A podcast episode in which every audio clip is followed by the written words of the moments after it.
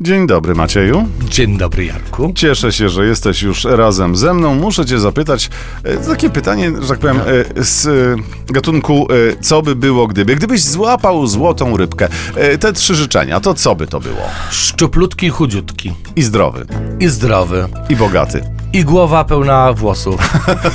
To już pięć. Musiałbyś złapać co najmniej dwie złote rybki.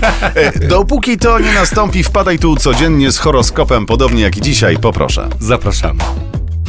Horoskop wróżbity Macieja w Meloradio.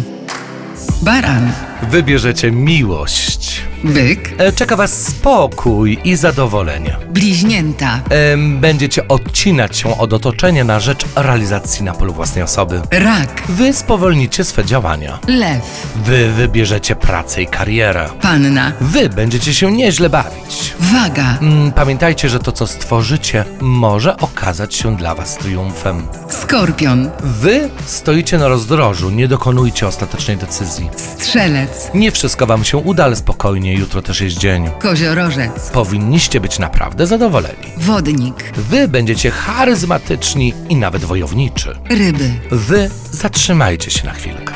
No i pięknie, ryby się zatrzymały przy Meloradiu, bo więcej o nich dziś. Karta Wisielca to jest ta karta, którą wylosowałem dla wszystkich zodiakalnych ryb. Znacie już tę kartę. Wisielec jest to karta wstrzymania, jest to karta zatrzymania, jest to karta, która nie mówi o postępowaniu czy to rozwoju.